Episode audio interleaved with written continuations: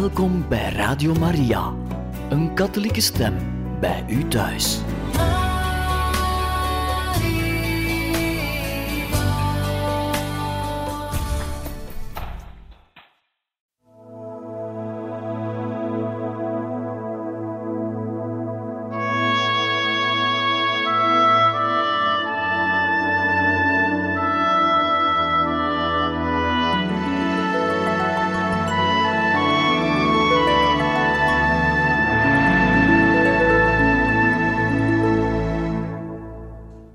Harte welkom, beste luisteraars van Radio Maria, bij het programma Heiligen Getuigen. We lezen nu verder voor uit het boek Herinneringen van Zuster Lucia. Vandaag beginnen we in het tweede deel met de titel De Verschijningen en leren we wat Lucia zag in 1915. Zo voleinde ik dan mijn zevende jaar. Moeder besliste toen dat ik onze schapen moest weiden. Vader en mijn zussen waren het daar niet mee eens. Ze wilden voor mij, wegens hun bijzondere genegenheid voor mij, een uitzondering.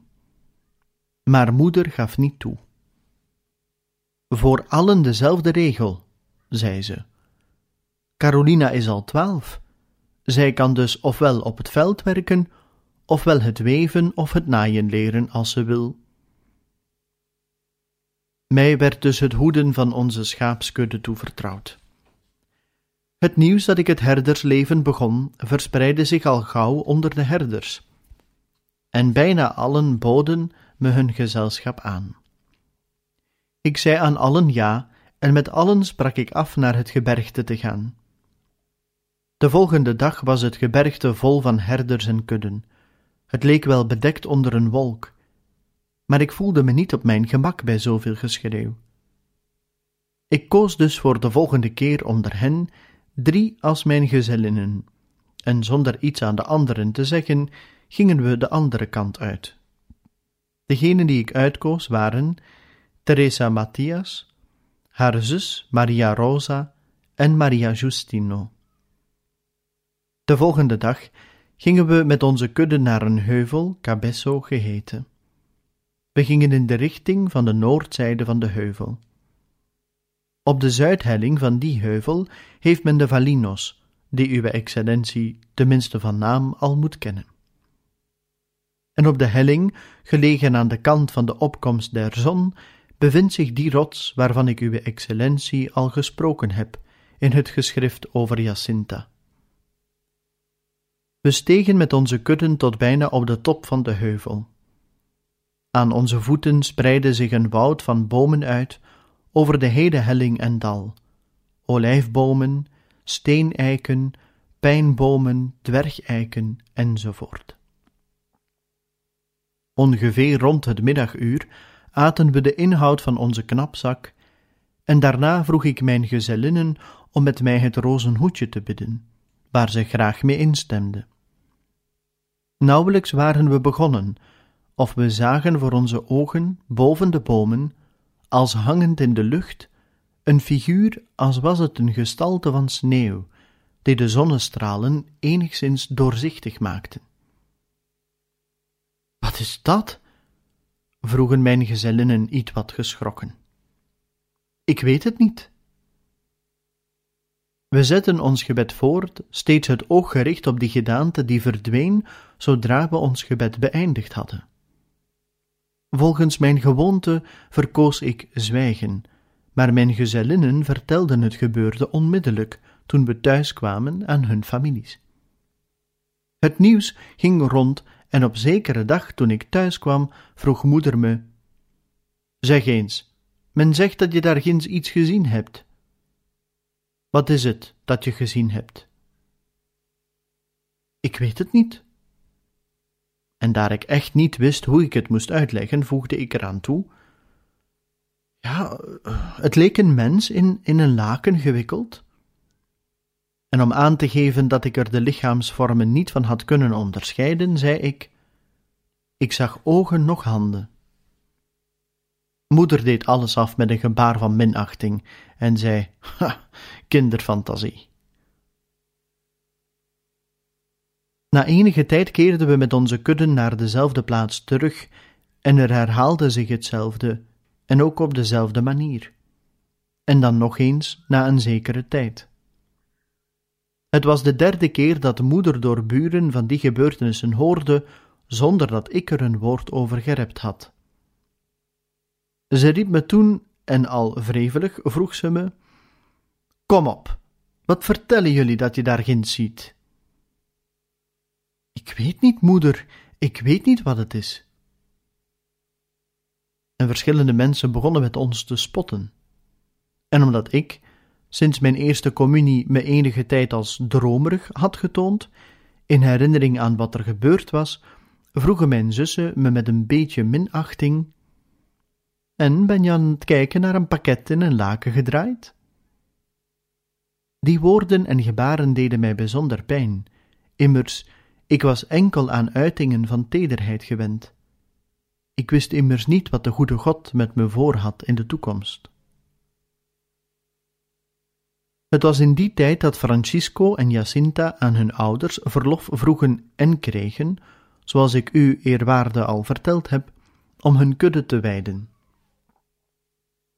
Zo kwamen mijn neef en nichtje in de plaats van die goede gezellinnen.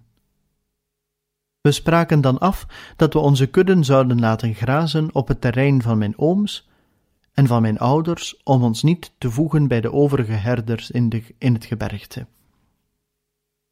Op zekere dag gingen we met onze schaapjes naar een terrein van mijn ouders, dat gelegen was aan de voet van voornoemde berg, aan de oostkant.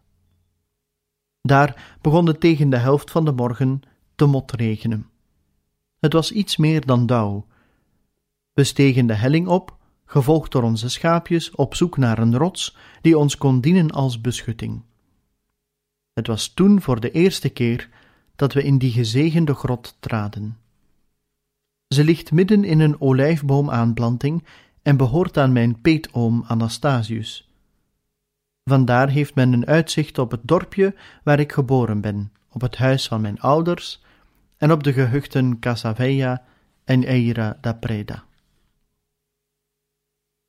Die olijvenaanplanting loopt door, toebehorend aan verschillende eigenaars, tot zij raakt aan die kleine plaatsen.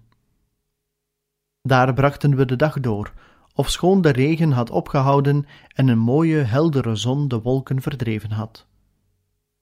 We aten onze mondvoorraad, baden ons rozenhoedje, en misschien was het wel een van degenen die we dikwijls baden, wanneer we vol ongeduld waren om te spelen, zoals ik al aan u, eerwaarde, gezegd heb, en waarbij we de kralen lieten verder glijden, alleen maar zeggend Ave Maria en Onze Vader. Het gebed beëindigd, begonnen we het steentjespel. Enige ogenblikken hadden we gespeeld toen een sterke windvlaag door de bomen joeg en ons deed opzien om te kijken wat er gebeurde. Immers, het was een heldere dag. Op dat ogenblik zagen we dat over de olijvenaanplanting die gedaante waarvan ik al gesproken heb, op ons toetrad. Jacinta en Francisco hadden ze nog nooit gezien en ik had er hun ook nooit over gesproken. Naarmate ze dichterbij kwam, konden we langzamerhand de lichaamsvormen onderscheiden. Een jongeling van veertien of vijftien jaar, blanker dan sneeuw, van de zon doorstraald als was hij van kristal en van uitzonderlijke schoonheid. Toen hij bij ons kwam, zei hij: Wees niet bang. Ik ben de engel van de vrede. Bid met mij. En terwijl hij op de grond neerknielde, boog hij zijn voorhoofd tot op de grond en liet ons driemaal de volgende woorden herhalen. Mijn God, ik geloof, ik aanbid, ik hoop en bemin u. Ik vraag u vergiffenis voor hen die niet geloven, niet aanbidden, niet hopen en die u niet beminnen. Daarna zei hij, terwijl hij overeind kwam: Bid op deze wijze. De harten van Jezus en Maria hebben aandacht voor de stem van jullie smeekbeden. Zijn woorden drongen zo diep door in onze geest dat we ze nooit vergeten hebben. En sindsdien herhaalden we een hele tijd zo neergebogen die woorden, soms totdat we omvielen van vermoeidheid. Ik drong er onmiddellijk op aan dat we het moesten geheim houden, en deze keer, God zij dank, vervulden ze mijn wens.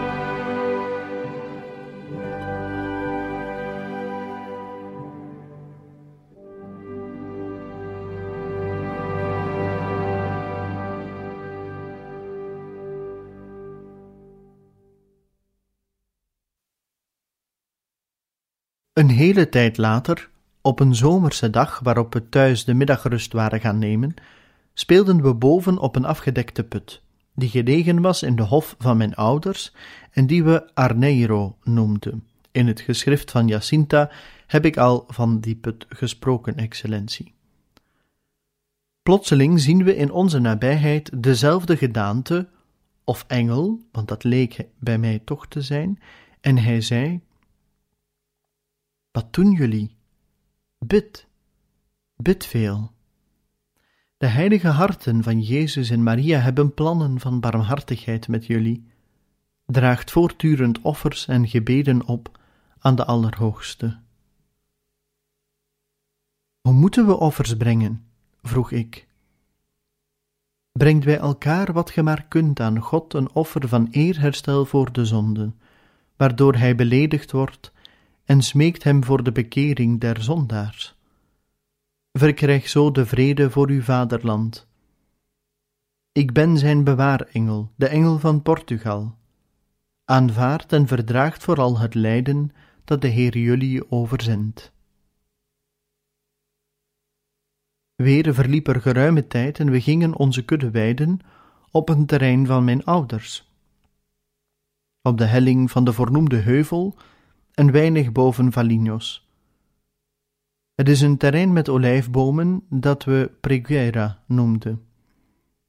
Na ons eten besloten we te gaan bidden in de grot aan de andere kant van de berg gelegen.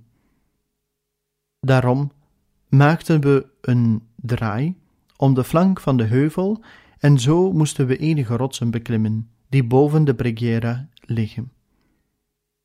De schapen hadden veel moeite met deze route. Onmiddellijk na aankomst begonnen we op onze knieën, het voorhoofd op de grond, het gebed van de engel te herhalen. Mijn God, ik geloof, ik aanbid, ik hoop en ik bemin u. Ik weet niet hoe vaak we dit gebed herhaald hadden, toen we plotseling zagen dat er een ongewoon licht boven ons straalde.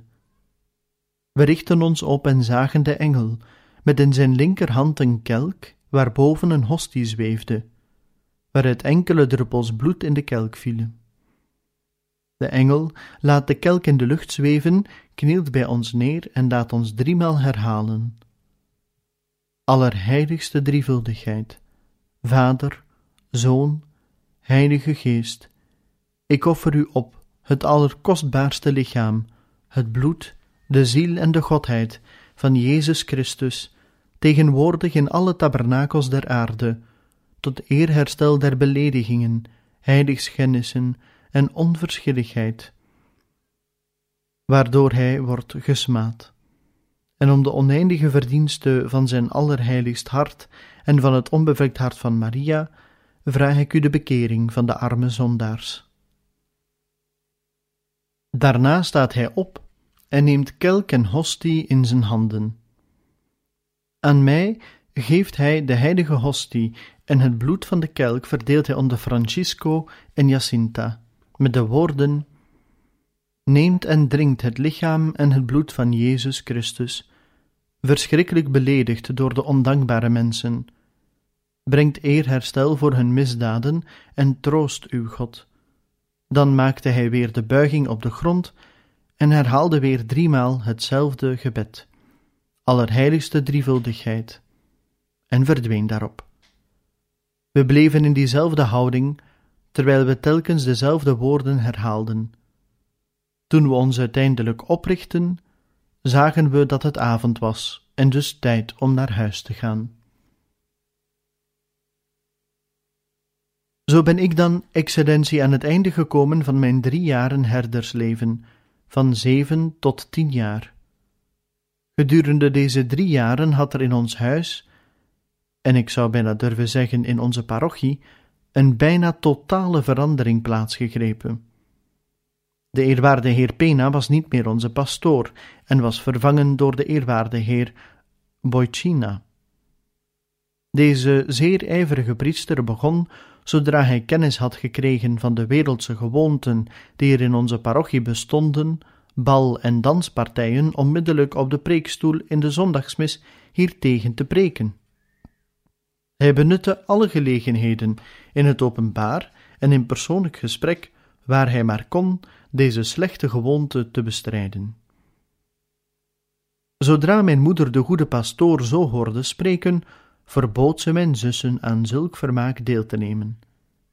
En omdat het voorbeeld van mijn zussen anderen ertoe bracht om niet te verschijnen, begon die gewoonte langzaam aan te verdwijnen.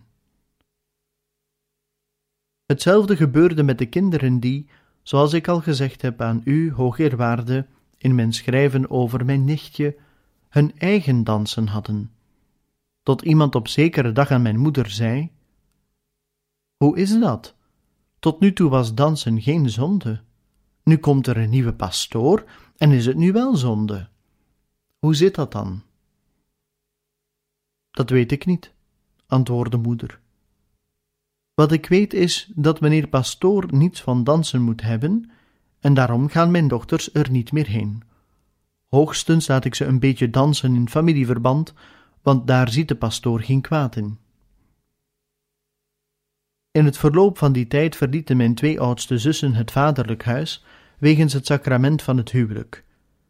Mijn vader was in slecht gezelschap terechtgekomen en was het slachtoffer van een droevige hartstocht die ons al het verlies van enige terreinen gekost had. Toen moeder zag dat we moeite hadden om rond te komen, besloot ze dat mijn zussen Gloria en Carolina in betrekking zouden gaan. Bleven nog in huis mijn broer om het land te bewerken dat we nog over hadden, moeder om het werk in het huis te verrichten en ik om onze kudde te wijden. Mijn arme moeder sleet nu een leven van diepe bitterheid, en als we ons avonds met ons drieën aan de haard verenigden, wachtend op vader voor het avondeten, dan zei moeder soms met grote droefheid, wanneer ze de plaats van haar andere dochters leegzag: Mijn God, waar is de blijdschap van deze haard gebleven? En met het hoofd op een kleine tafel die aan haar zijde stond, stortte ze tranen van bittere smart. Mijn broer en ik voegden onze tranen toe aan die van haar. Het was een van de treurigste tafereelen uit mijn leven. Mijn hart scheen stuk te springen om de smart van moeder en uit verlangen naar mijn zussen. Of schoon kind vatte ik volkomen onze situatie. Ik herinnerde me toen de woorden van de engel: Aanvaard vooral, onderworpen, de offers die onze lieve vrouw jullie overzendt. Ik trok me dan terug op een eenzame plek om de smart van mijn moeder niet met de mijne te vergroten. Die plaats was gewoonlijk onze put. Daar neergekleeld, gebogen over de steenplaten die de put bedekten, mengde ik mijn tranen bij zijn water en offerde ik God mijn lijden op. Soms troffen Jacinta en Francisco me aan in zulke bittere droefheid en daar ik door het snikken met mijn stem geen enkel woord kon uitbrengen, sprak Jacinta dan, ofschoon zij beiden zozeer met me meeleefden, dat zij ook overvloedige tranen vergoten. Met luider stem, de opdracht: Mijn God, het is om eerherstel en om de bekering der zondaars dat we u altijd leiden en deze offers opdragen de formule van de opdracht was niet altijd precies dezelfde, maar de betekenis was altijd gelijk. Zoveel lijden begon de gezondheid van moeder te schaden. Toen ze niet meer in staat was om te werken, liet ze, om haar te verzorgen en om voor het huishouden te zorgen, Gloria naar huis komen.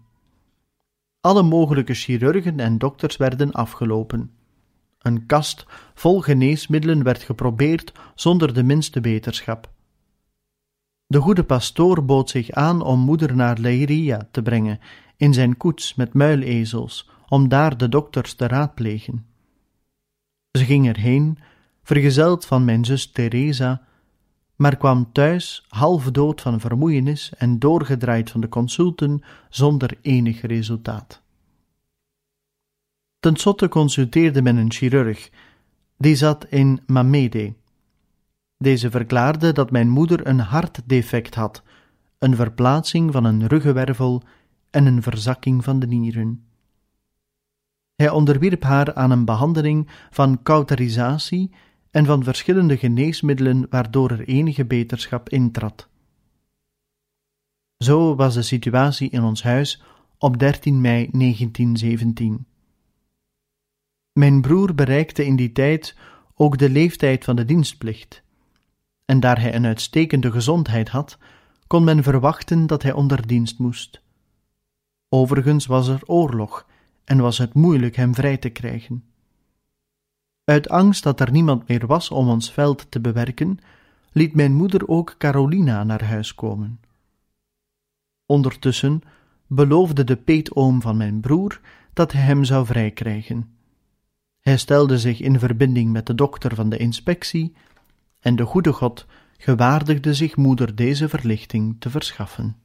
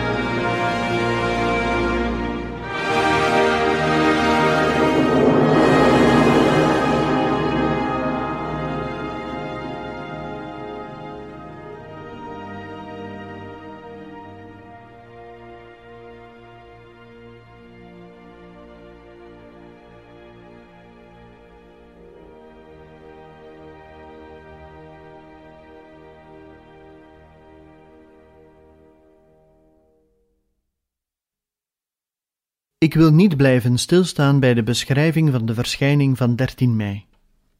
Uwe excellentie kent ze heel goed en ik zou er dus maar tijd mee verspillen. U weet ook heel goed hoe mijn moeder zich op de hoogte stelde van wat er gebeurd was en hoe zij zich moeite deed om me ertoe te brengen te zeggen dat ik gelogen had. De woorden die de Allerheiligste Maagd ons op die dag zei en die wij besloten nooit mee te delen, waren de volgende.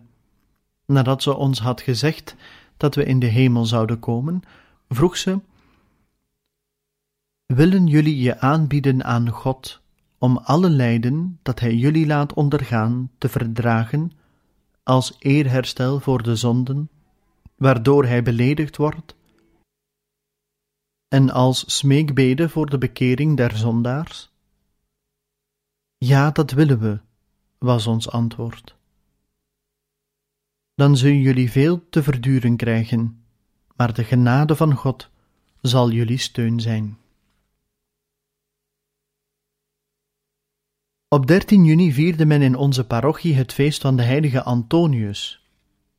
Het was gewoonte om op die dag de schapen morgens vroeg uit te laten en om ze om negen uur op te sluiten in de schaapskooi, om dan naar het feest te gaan.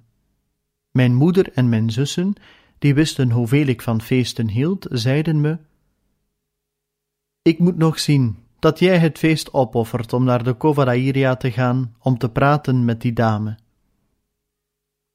Niemand zei me iets op die dag, alsof men wilde zeggen: Laat ze maar, we zullen wel zien wat ze doet. Zo dan liet ik vroeg in de morgen de schapen uit, met de bedoeling om ze om negen uur in de schaapskooi op te sluiten, om tien uur naar de mis te gaan en vervolgens naar de Cova da Iria. Maar zie, daar komt kort na het opgaan van de zon mijn broer me roepen. Ik zou naar huis komen, want er waren verschillende mensen die mij wilden spreken. Het waren enige mannen en vrouwen van Minde, van de kanten van Tomar, Carascos, Paleiros enzovoort. Ze wilden met me meegaan naar de Cova d'Airia. Ik zei dat het nog vroeg was en nodigde ze uit om met mij naar de mis van acht uur te gaan. Daarna kwam ik naar huis terug. Die goede mensen bleven op me wachten in onze hof in de schaduw van onze vijgenbomen. Mijn moeder en mijn zussen behielden hun houding van minachting, waarvoor ik erg gevoelig was en die me zoveel pijn deed als beledigingen.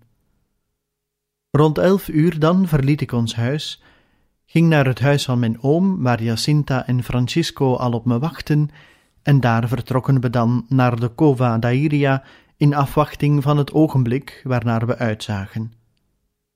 Al het volk ging met ons mee, terwijl ze ons duizenden vragen stelden. Op die dag voelde ik me tot het uiterste bedrukt. Ik zag de bekommernis van mijn moeder, die me, kost wat kost, wilde verplichten om, zoals ze zei, mijn leugen te bekennen. Ik wilde haar graag ter wille zijn, maar ik zag geen andere manier dan door juist in dit geval te liegen. Vanaf de wieg had ze ons een grote afschuw van de leugen ingeprent en strafte ze streng als ze iemand op een leugen betrapte.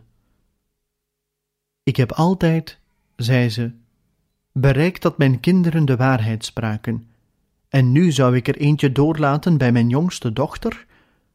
Was het nog iets van weinig belang, maar zulk een leugen, waar al zoveel mensen ingetrapt zijn. Na deze jammerklachten keerde ze zich naar mij en zei: Ik geef je de keus. Ofwel je haalt die mensen uit hun droom en zegt dat je gelogen hebt, of ik sluit je op in een kamer waar geen hand voor je ogen ziet bij al mijn leed ontbreekt werkelijk nog maar zoiets. Mijn zussen trokken partij voor moeder en de sfeer was echte minachting en verachting voor mij. Ik herinnerde me nu het verleden en vroeg me af: waar is nu die tederheid, die ik nog tot voor kort bij ons gezin genoot? Mijn enige verlichting waren de tranen die ik voor God vergoot, terwijl ik hem mijn offer aanbood. Ook zei onze lieve vrouw op die dag, alsof ze raadde wat er zich afspeelde, behalve de woorden die ik al vermeld heb: Mijn kind, lijd je veel? Verlies maar niet de moed. Ik zal je nooit alleen laten. Mijn onbevlekt hart zal je toevlucht zijn en de weg die naar God zal voeren. Wanneer Jacinta me zag wenen, troostte ze me en zei: Ween maar niet. Dit zijn zeker de offers waarvan de engel zei dat God ze ons zou overzenden. Het is dus voor eerherstel aan Hem en om de zondaars te bekeren dat je lijdt. Rond deze tijd kreeg de pastoor van mijn parochie er weet van wat er zich afspeelde. Hij liet aan mijn moeder zeggen dat ze me naar zijn huis zou brengen. Mijn moeder voelde zich opgelucht, in de mening dat de pastoor de verantwoordelijkheid van de gebeurtenissen zou op zich nemen. Morgen gaan we heel vroeg naar de mis. Daarna ga jij naar de pastorie. De pastoor zal je dan hoe dan ook verplichten de waarheid te bekennen, dat hij je straft of doet wat hij wil. Als hij je maar verplicht om te bekennen dat je gelogen hebt, dan ben ik tevreden. Mijn zussen trokken partij voor moeder en vonden allerlei bedreigingen om mij bang te maken voor het onderhoud met de pastoor. Ik vertelde Jacinta en Francisco wat er gaande was, en zij zeiden: Wij gaan ook. Meneer pastoor heeft ook onze moeder gevraagd om ons te brengen. Maar moeder heeft ons niets van die aard gezegd. Nu ja, als ze ons slaan, verdragen we het uit liefde voor onze lieve Heer en voor de bekering der zondaars. De volgende dag ging dan achter mijn moeder aan, die me onderweg geen enkel woord toevoegde. Ik moest toegeven dat ik beefde bij de gedachte aan wat er ging gebeuren. Ik ga het kerkplein over achter mijn moeder aan en bestijg de trappen van de veranda van de pastorie. Bij het opgaan van de eerste treden draait moeder zich naar me om en zegt: En nu is het gedaan. Je gaat nu zeggen aan de pastoor dat je gelogen hebt zodat hij zondag kan meedelen dat het een leugen was en zo deze geschiedenis uit de wereld komt. Dit is me wat moois, dat Jan en alle man naar de Cova Iria loopt om te bidden voor een steeneik. En dan klopt ze gedecideerd op de deur.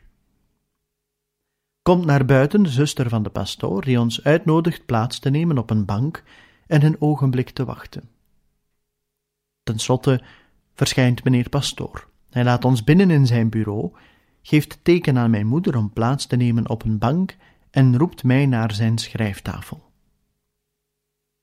Toen ik zag dat de eerwaarde me heel rustig en zelfs vriendelijk ondervroeg, stond ik verbaasd. Maar toch bleef ik in spanning van wat er zou gebeuren. De ondervraging was minutieus en ik zou bijna zeggen langdradig. De eerwaarde gaf me een kleine berisping, zeggend: Het lijkt me geen openbaring van de hemel. Bij zulke zaken draagt onze lieve Heer gewoonlijk op aan de zielen waaraan hij zich openbaart, om aan hun biechtvaders of pastoors rekenschap te geven van wat er gebeurt. Dit meisje daarentegen is terughoudend, zoveel ze maar kan. Deze geschiedenis kan ook duivelsbedrog zijn. We zullen zien. De toekomst zal licht brengen.